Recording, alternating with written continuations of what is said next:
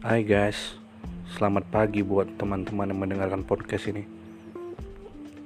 Hari ini kita kembali lagi bersama Nampati Surbakti di podcast kedua yang mengenai, oh bukan mengenai sih, yang judulnya Harta Tata Sastra. Mungkin banyak teman-teman yang di sini ngerasa judul podcast ini ya gimana ya kayak kurang enak aja gitu. Tapi sebenarnya kita lebih ngebahas itu tiga sih. Dalam kehidupan kita harta takta itu selalu ada seiring berjalannya kehidupan ini. Seperti juga cinta. Cinta itu sebenarnya dari hati bukan dari mata menuju ke pikiran tapi dari hati menuju mata menuju ke pikiran atau langsung dari hati ke pikiran. Banyak orang yang sekarang jatuh cinta itu bukan karena dia mencintai atau dia pakai hati, tapi lebih dari matanya yang melihat apa yang dia pakai, apa yang dia punya. Kalau salah, mohon maaf ya. Tapi yang aku lihat seperti itu semua sih. Banyak laki-laki yang ngerasa dia itu tidak pantas. Atau banyak sih laki-laki yang sampai rela melakukan hal-hal bodoh untuk demi menunjukkan eksistensi. Sepertinya itu tidak salah sih di zaman sekarang ini. Semua bebas untuk berusaha. Berusaha untuk menampilkan terbaik walaupun dengan cara apa pun. Itu yang salah sih sebenarnya sebenarnya itu salah. Tapi bagaimana kita bisa menyalahkannya apabila dia mempunyai alasan yang benar untuk berbuat seperti itu?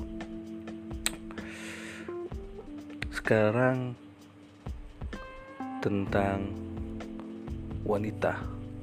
Aku sih lebih ingin ngebahas tentang kewanita kenapa wanita selalu jatuh cinta kepada orang yang menurut dia itu mapan. Kata mapan. Sebenarnya di podcast ini aku lebih menunjukkan sih untuk usia yang 20 tahun ke atas. Untuk anak belasan tahun mungkin aku akan buat podcast yang lainnya. Tapi aku akan lebih bahas yang ke 20 ke atas. Jadi ini akan lebih masuk ke 20 20 tahun ke atas. Oke? okay? Podcast in, cinta ini yang kita lihat dengan kemapanan ini bisa menjadi cinta sejati sih. Tapi kalau cerita tentang dulu-dulu tuh ada seperti itu.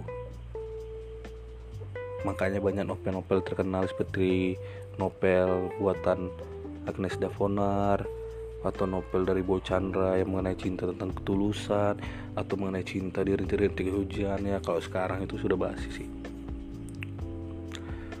jadi cinta dengan kemapanan. Banyak orang beranggapan kemapanan itu dapat membuat cinta itu menjadi utuh.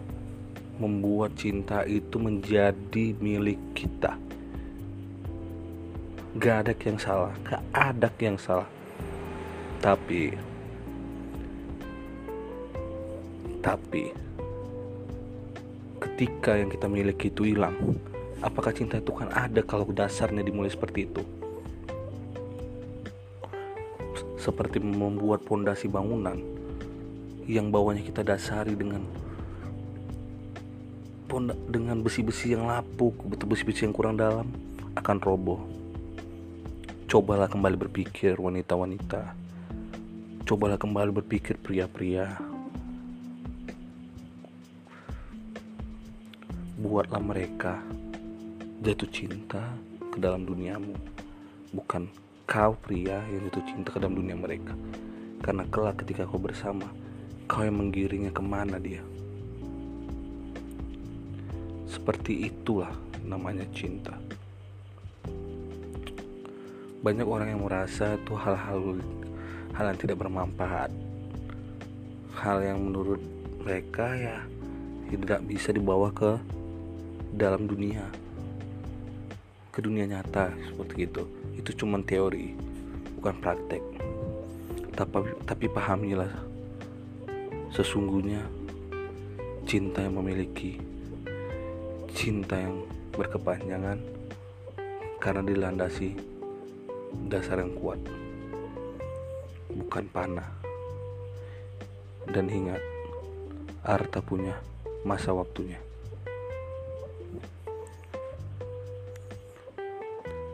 cukup sampai sekian terima kasih telah mendengarkan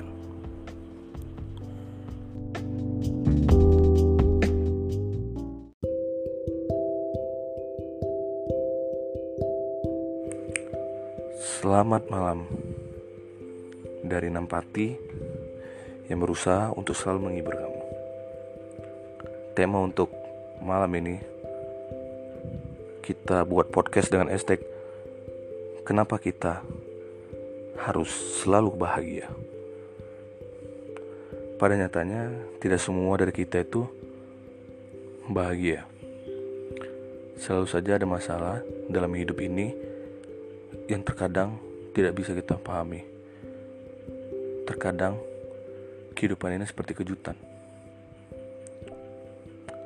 Di saat bahagia, terkadang kita dipaksa untuk bersedih. Di saat bersedih, terkadang kita harus dipaksa untuk bahagia.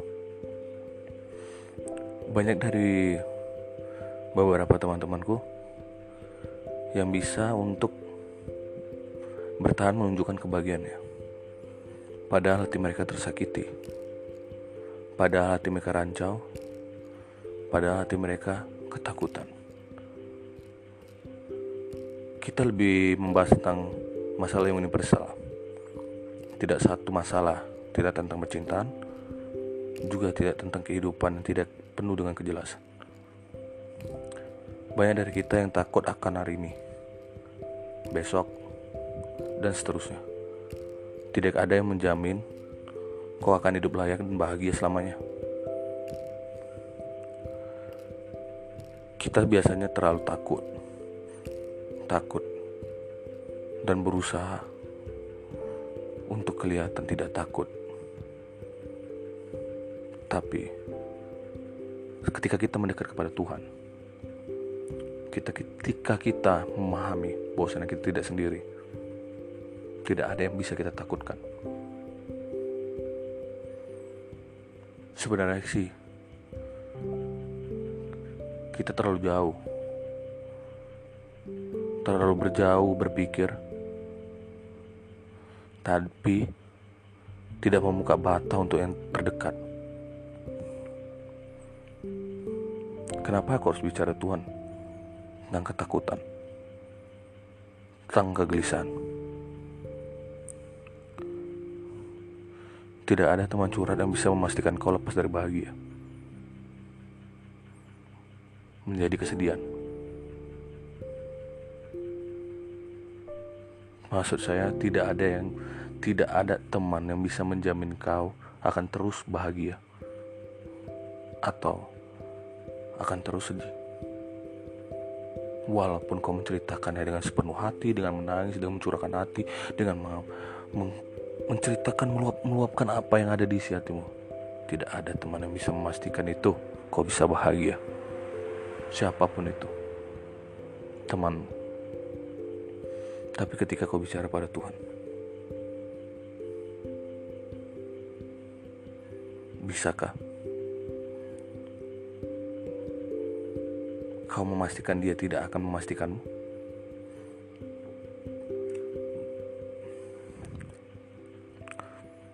Saya rasa kalau kamu tidak yakin, kau akan terjebak terlalu jauh. Siapa yang bisa memberi keajaiban kepadamu?